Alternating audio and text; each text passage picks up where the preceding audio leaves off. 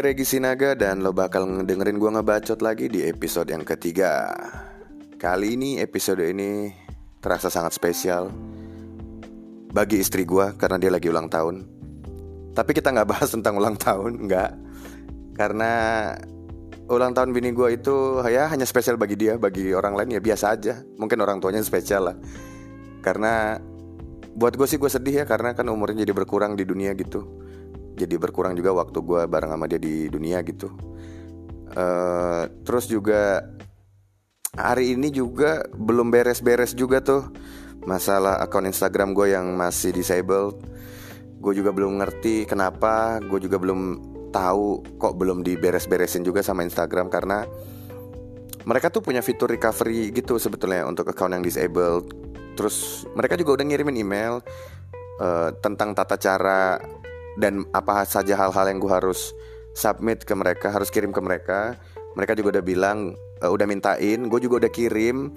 Tapi ya nggak tahu nih belum belum ada tanggapan. Jangan kan jangan kan di recover ya ditanggepin aja belum gitu. Gue juga nggak tahu apakah ditanggepin dulu atau tiba-tiba nanti akun gue bisa login lagi seperti semula gue juga belum gitu tahu.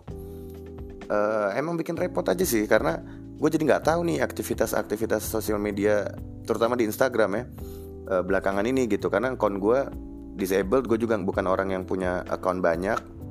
Gue juga nggak pegang akun akun-akun lain nggak jadi admin atas akun-akun apa pun.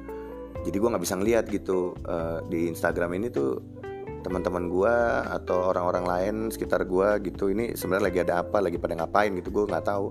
Gue cuma baca berita aja gitu. Lihat WhatsApp story juga ya WhatsApp story juga nggak ada yang menarik juga gitu. Kadang-kadang WhatsApp story orang juga malah bikin pengen ketawa gitu ngelihatnya nggak penting gitu kan. E, karena gue masih ngel ngelihatnya gini ya kan gue ngerasa media sosial tuh sekarang tuh jadi kayak punya stratanya sendiri gitu loh. Baik itu strata sosial ekonomi maupun pendidikan gitu ya.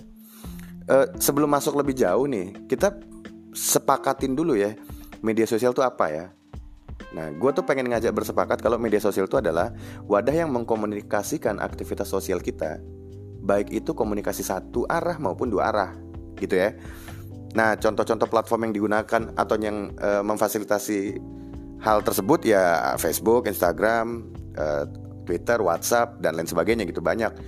Banyak banget, cuman gue ambil yang e, populer aja gitu tadi contoh-contohnya. Dan untuk e, topik pembahasan di podcast kali ini, gue cuma pengen bahas dua doang nih yang sangat populer setidaknya di sekitar gue atau yang gue ketahui gitu yaitu med media sosialnya adalah Instagram dan uh, WhatsApp. Nah, kenapa gue bilang ada strata sosial yang terlihat dari pengguna Instagram dan WhatsApp? Gue tuh kadang bingung karena ini sangat bertolak belakang. Kecuali orang-orang yang ini ya, yang sangat rajin. Biasanya ada tuh uh, orang-orang yang dia posting di IG konten A terus dia posting di WhatsApp story juga konten A gitu. Dan gue kadang lihatnya ini emang dikonekin apa gimana ya? Atau emang dia posting dua kali gitu. Oh mungkin dia mau memperluas uh, yang lihat gitu ya. Karena kadang-kadang mungkin kalau influencer kan pengen dilihat banyak orang. Kalau selebgram atau uh, kalau kalau seleb WhatsApp bilangnya apaan ya? Seleb Whats apaan? Ya mungkin dia pengen orang lebih banyak ngeliat gitu kan. Karena kan uh, selebgram atau influencer tuh kan sebenarnya kan papan reklame aja ya papan iklan aja gitu. Jadi ya emang dia butuh beriklan gitu. Jadi nggak kalau bisa sih jangan sampai kosong ayo dong iklan di gua gitu. Ya pasti dia menyebarkan itulah gitu kan. Hmm. nah di IG itu yang gue lihat di Instagram di Instagram itu biasanya itu strata sosial dan ekonomi menengah ke atas. Karena juga mungkin pengguna Instagram tidak sebanyak pengguna WhatsApp sebagai contoh aja beberapa temen kerja, beberapa kolega atau mitra kerja gue mereka punya WhatsApp, komunikasi punya pakai WhatsApp, tapi kadang-kadang suka gue tanya gitu, eh Instagramnya apa mas, Instagramnya apa mbak? Mereka bilang oh nggak punya Instagram, cuman main Facebook aja katanya. Jadi gue ngeliat oh Instagram tuh memang nggak seluas WhatsApp penggunanya gitu ya. Nah WhatsApp itu karena saking luasnya penggunanya, jadi gue ngeliat lebih banyak pengguna menengah ke bawahnya lebih banyak. Karena kan di Indonesia tuh emang menengah ke bawah tuh lebih banyak ya populasinya. Emang suka gitu kadang. Kalau yang lemah-lemah atau yang miskin-miskin atau yang masih susah tuh biasanya emang kayak lebih banyak gitu kayak lebih rame gitu. Karena gue rame aja nggak punya power nggak punya eh, ini kekuatan gitu apalagi sendirian atau uh, sedikitan gitu. Nah biasanya gue ngeliat perbedaan ini itu terjadi di konten story-nya. Karena WhatsApp tuh punya fitur juga WhatsApp Story namanya. Sekarang orang udah bisa ngepost di WhatsApp Story gitu. Biasanya IG Story tuh biasanya postingan dari tentang aktivitas liburannya deh. Biasanya kalau di IG IG tuh kayaknya ke anak millennials banget ya kayak IG lo apa? Gitu. Gue gue nggak terlalu terbiasa ngomong IG. Gue biasa Instagram gitu Instagram. Aneh ya gitu nah, biasanya kalau di Instagram tuh orang aktivitas sosial liburannya tuh kayaknya lebih lebih gokil gitu postingannya tuh kayak wah gue lagi di New Zealand lagi di Aussie lagi di sport gitu. Emang orang orang tajir tuh emang kayak gitu nih kampretnya. Mereka tuh males nulis Australia atau Singapura gitu. Nulisnya tuh Aussie, sport gitu. Uh, wajar sih nggak apa-apa. Kalau udah kaya males tuh nggak apa-apa karena aduh ngetik-ngetik lama-lama gitu. Males gue duit udah banyak juga liburan udah happy gitu. Ngapain sih ngetik banyak-banyak gitu? Nggak usah rajin-rajin amat lah. Hidup udah tinggal dinikmatin aja gitu. Nah itu biasanya mereka tuh postingannya tuh sampai menggegerkan lah. Sampai gue ngeliatnya kadang-kadang uh dia bisa ke sini ya? gitu kan. Kok dia bisa nyampe ke sini ya? Ngepet di mana nih? gitu. Karena kadang-kadang kayak latarnya tuh Paris. Gue sampai nyari nih Photoshop nih edit nih gue cari-cari enggak. Sampai kadang nanya ke temen gue yang jago ngedit. Men liatin dong tolong nih editan gak sih? Enggak. Oh anjing beneran ke Paris dong dia gitu.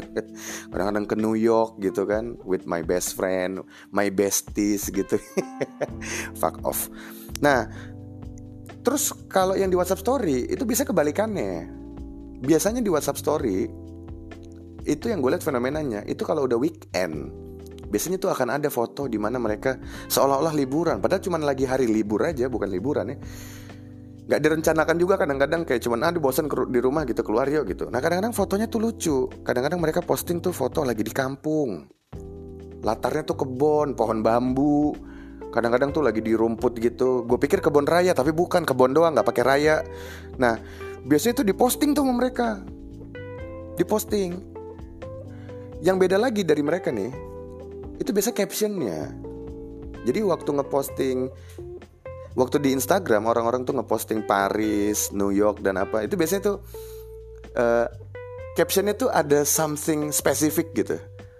Uh, celebrating our first anniversary. Asik.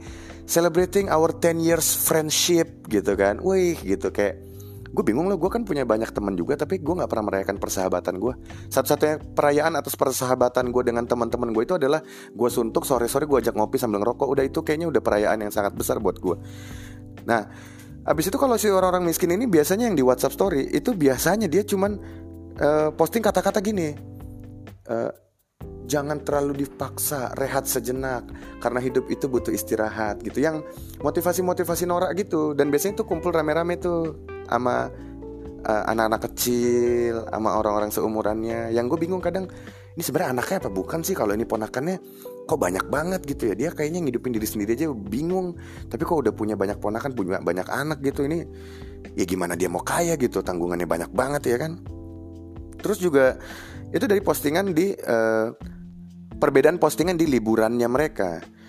Nah, ada kesamaannya nggak sih? Ada juga nih yang gue lihat. Kesamaannya itu di antara mereka yang rajin posting Insta Story dan WhatsApp Story itu biasanya mereka adalah orang-orang yang sangat bijak yang gue lihat. Mayoritas tuh bijak. Karena biasanya mereka postingannya tuh cukup lucu.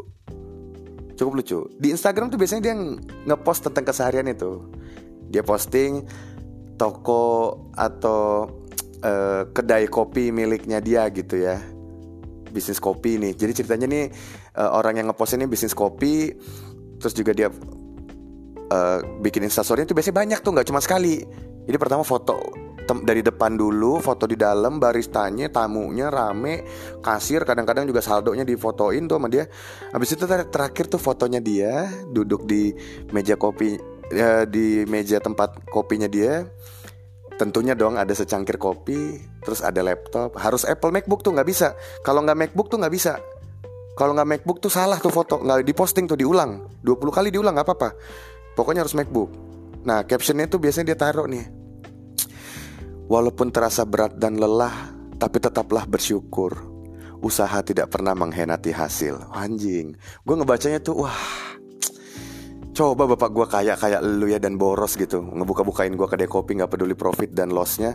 Ya gue juga yakin punya sih. Usaha gak mengkhianati hasil. Sebenarnya berusaha bapak gue sih. Gue cuma lahir aja gitu Terus jadi anak orang kaya. Itu kan sebenarnya usaha yang dimaksud gitu. Nah itu tadi yang si uh, Instagram. Nah kalau di WhatsApp Story itu sama captionnya. Captionnya sama. Walaupun terasa berat dan lelah Tapi tetap bersyukur. Usaha tidak pernah mengkhianati hasil. Gue pikir loh kok captionnya sama ya ini kayaknya gue pernah lihat caption ini di mana gitu. Terus gue lihat fotonya gitu kontennya. Kok dia lagi foto ada piring isinya tahu tempe sama telur sama teh manis gitu. Oh habis nguli kali ya? Atau buruh pabrik lagi makan gue nggak tahu. Cuman poin gue adalah ini mereka tuh sama-sama bijak dengan motif berbeda aja. Kalau yang atas yang di atas tadi nih yang sini menengah ke atas yang di Instagram si kedai kopi ini emang pengen ngasih tahu aja ya ya gue sih usaha gue juga nggak usah terlalu ribet-ribet banget, udah menghasilkan gitu. Sementara yang bawah nih dia merasa, wah usaha maksimal gue tuh menghasilkan uh, nasi, tahu, tempe dan telur. Enggak men, nggak bisa. Masalahnya usaha lo keras tapi lo nggak punya privilege. Itu aja sih inti. Terus juga caption-caption dari konten foto masing-masing pengguna sosial medianya baik Instagram ataupun WhatsApp itu juga menjelas, menjelaskan motif dari masing-masing mereka tuh menurut gue. Instagram tuh buat gue tuh adalah orang yang lebih sering nyombong. Dia nggak bener-bener pengen menunjukkan aktivitasnya, tapi ada niat sombong di situ. Yang gue takut di WhatsApp juga niatnya sombong. Cuma gue ngeliatnya miris. Masalahnya bagi dia tuh wah gue udah uh, lagi piknik di kebun gitu kan belakangnya pohon bambu ada ular juga nggak apa-apa ada ular gitu. Banyak becek-becekan juga nggak apa-apa bau kali juga nggak apa-apa riverside gitu kan aman slow. Bagi dia tuh happy gitu bagi dia tuh nyombong. Mungkin akan ada orang yang sirik masalahnya buat gue gue sedih. Ngeliatnya kok kok yang kayak gini lu postingnya kok kayak gini lu bahagia ya gitu ayo lo men come on. Bermimpi lah lebih tinggi kejarlah yang lebih tinggi gitu masa mau sih segitu-segitu aja gitu nah cuma kalau yang di Instagram juga kadang-kadang gue juga ngeliatnya kayak lo nggak bener-bener pengen menunjukkan aktivitas lo doang deh pasti nyombong dah izin izin apa ujung-ujungnya gitu kan. Emang kadang gimana ya uh, gue bingung gitu kok bisa seluruh aktivitas itu tuh sampai diketahui sama orang sampai dia posting motifnya juga gue nggak tahu apa gitu. Apalagi kalau mereka tuh lagi sakit lagi sakit, ada kondisi sakit yang mereka posting. Ini juga beda nih. Instagram biasanya biasanya foto lagi sakitnya itu itu foto kamar doang atau pintu kamarnya doang. Biasanya bahkan kayak foto di hotel tuh. Jadi dia fotoin ranjang rumah sakit, kelihatan kakinya doang, di depannya ada TV. Gitu. Atau foto tangannya lagi dicolok infus atau di IGD, biasanya disensor tuh tanggal lahirnya sama nama lengkapnya. Pokoknya cuma tahu, oh iya itu bener bener gue gitu, bukan foto dari Google. Terus dengan caption, get well soon for me, stay strong, come back stronger gitu-gitu. Yang apa ya gue kadang ya oke okay, oke okay, oke okay, get well soon for me gitu ya ya. nah uh, kalau di WhatsApp itu biasanya beda beda lagi tuh, beda lagi. Sama kontennya juga lagi sakit, biasanya dirinya sendiri atau kerabatnya. Cuma gue lebih sering ngeliat fotonya itu foto utuh.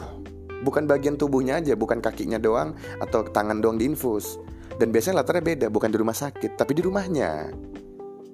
Atau di rumah orang lain ya pokoknya di rumah deh. Gue juga nggak yakin sih kadang-kadang itu rumahnya apa enggak biasanya tuh fotonya tuh ada satu orang tergeletak di kasur. Kalau laki-laki nggak juga sih. Laki-laki perempuan juga sama. Bisa pakai sarung tuh selimutan. Terus di foto biasanya anaknya atau orang lain yang sakit tuh biasanya orang tuanya. Nah captionnya agak beda. Biasanya tuh uh, semoga cepat segera diberi kesembuhan. Kami minta doanya untuk kesembuhan orang tua kami lekas pulih gitu. Nah itu biasanya gue ngeliatnya aduh miris gitu kasihan ya. Dan biasanya nggak sendiri yang di foto itu. Ada aja tuh yang duduk tuh di dekat si pasien. Biasanya tuh ada baskom isinya air nggak tahu hangat apa dingin tapi gue berasumsi dan meyakini itu buat ngompres tuh biasanya. Emang orang miskin kan gitu kalau sakit apa apa dikompres. Kalau dikit dikit lada sakit atau keluhan kasihnya teh hangat karena kan murah. Air gratis teh hangat juga kan masih murah lah gitu. Biasanya nggak dikasih gula. Takut diabetes padahal nggak emang susah aja beli gula. Terus kalau kayak gitu tuh biasanya mereka nggak sendirian. Biasanya di sampingnya tuh ada orang lain. Entah itu ada anak kecil atau ada remaja yang bagi mereka tuh memperlihatkan wah keluarga kami care tapi di mata gue tuh jadi kayak ngelihat uh, emang ada satu keunggulan ya di antara orang-orang miskin ini keunggulan yang paling bagus dari mereka itu adalah kekuatan persatuan. Jadi mereka tuh sering bergerombol, sering rame-rame, sering bersatu gitu, saling menguatkan karena gimana ya kalau gue ngelihatnya sih analoginya susah juga ya kalau mereka sendirian gitu. Kalau orang kaya sendirian nggak apa-apa dia. Dia sakit, tinggal bayar supir, dia punya mobil, anterin ke rumah sakit, masuk rumah sakit, minta kamar paling nyaman, kamar VVIP, habis itu duduk, apa ya, tiduran, dirawat segala macam, minta semuanya uh, pelayanan yang paling baik. Terus tagihan rumah sakit juga tinggal bayar gampang aman slow gitu kan. Tapi kalau orang miskin kalau sendiri kan susah ya kan. Antri BPJS kalau cuma sendirian kan kerasa juga lama sama bosen ya makanya harus ada kekuatan persatuan gitu. Untuk ngobrol-ngobrol saling nguatin dan kalaupun kenapa-napa ada yang ngegotong gitu.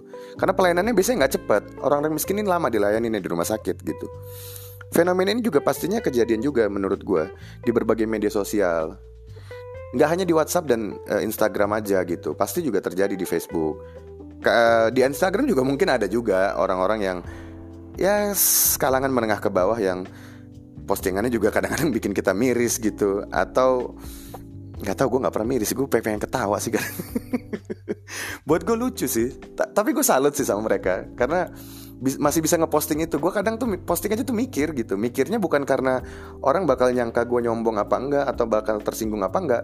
Gue mikirnya tuh kayak orang tuh bakal ngeliat gue susah dan ngetawain gak ya? Ah gue nggak mau kalau ntar diketawain gitu. Ntar yang ada pas gue posting ih lagi liburan. Tapi cuman ke Bandung. Gue dong Paris. Nah kayak kayak gitu gue aduh ya gue belum bisa nih kalau belum ke Paris belum bisa gue posting gitu kalau ke Jepang apa gue posting nggak apa-apa lah lo belum belum tahu Jepang kan nih gue kasih tahu gitu Nah, uh, ini juga fenomena ini juga gue semakin menyimpulkan bahwa di Indonesia terutama orang tuh lebih sering mengutamakan kebutuhan mereka untuk bisa memiliki smartphone dan juga kuota internetnya. Seolah-olah itu sudah jadi kebutuhan primer bagi kita. Seolah-olah itu jadi kebutuhan primer bagi masyarakat. Seolah-olah nggak apa-apa deh nunda makan. Gak apa-apa cuma ngopi dan ngerokok. Yang penting gue bisa punya HP Walaupun harus nyicil. Walaupun handphonenya harga sejutaan. Gitu kan? Kadang-kadang nyari di bawah sejuta saya kan gak apa-apa. Bisa IG bisa Whatsapp gak Kadang-kadang begitu dong nanyanya. Ya, ya kalau smartphone sih harusnya bisa ya gitu. Kecuali emang HP-nya udah reject aja gitu, nggak bisa diapa-apain gitu. Nah ini gue ngelihatnya tuh karena kayaknya psikologisnya orang zaman sekarang dengan berkembangnya teknologi, mereka tuh kalau lagi susah mereka pengen orang tahu supaya mereka melihat kegigihan mereka, supaya mereka melihat bagaimana mereka bertahan dan mereka tuh uh, kalau lagi seneng juga mereka pengen bikin orang lain termotivasi supaya bisa jadi kayak mereka. Masalahnya, masalahnya adalah di mata gue nggak gitu di mata gue kalau mereka nunjukin lagi seneng ya mereka cuma pengen nyombong aja sama pengen ngetawain lo. Cuman ya gue nggak perlu tahu hidup lo tapi gue yakin gue lebih baik dan gue pengen ngetawain aja hidup lo semua gitu yang lebih rendah daripada gue gitu yang lebih merana gitu. Gue lebih seru kok lebih asik kok hidup gue gitu. Terus juga kalau yang lagi kesulitan yang lagi lapar yang miskin ya gue sih mikirnya ya masa sih lagi kelaparan dan miskin yang tahu cuma diri sendiri sama Tuhan doang orang orang lain harus tahu lah terutama orang lain tuh harus tahu betapa kuat dan tangguhnya mereka dalam menghadapi uh, kesusahan hidup mereka itu gitu kan. Ya kali lu cuman berdoa doang terus cuman nangis-nangis di rumah doang. Enggak lah justru dari sebelum zaman handphone dari zaman sebelum sosial media ada seluruh aktivitas kesedihan itu juga sudah diekspos kan di TV kita bisa lihat dulu acara-acara di TV aduh tolong bantu si ini yang lagi sakit tumor. Oh tolong bantu ini bencana alam apa? Ya ya udahlah. Jadi itu juga hanya meneruskan aja kebiasaan kita yang lama gitu. Hmm, kayaknya cukup segitu ya. Banyak sih sebenarnya tapi mungkin ke depannya enakan ngebahas ini tuh bareng teman diskusi ya. Mungkin akan ada tamu yang kita undang ke podcastnya terus juga kita bisa ngobrol banyak. Jadi nggak cuma opini gue sendiri tapi juga ada opini dari orang lain. So terakhir mungkin kesimpulannya adalah tetaplah sombong bagi kalian yang memang bisa punya sesuatu yang disombongkan dan tetaplah menguatkan diri dengan memposting konten-konten sedih dan merana kalian karena gue setuju dan gue sangat mendukung kalau sedih jangan sendirian. Rame aja lu susah ngadepinnya apalagi sendirian ya gak sih Segitu aja dari gua kalau menurut lo. Jadi gimana? Ciao.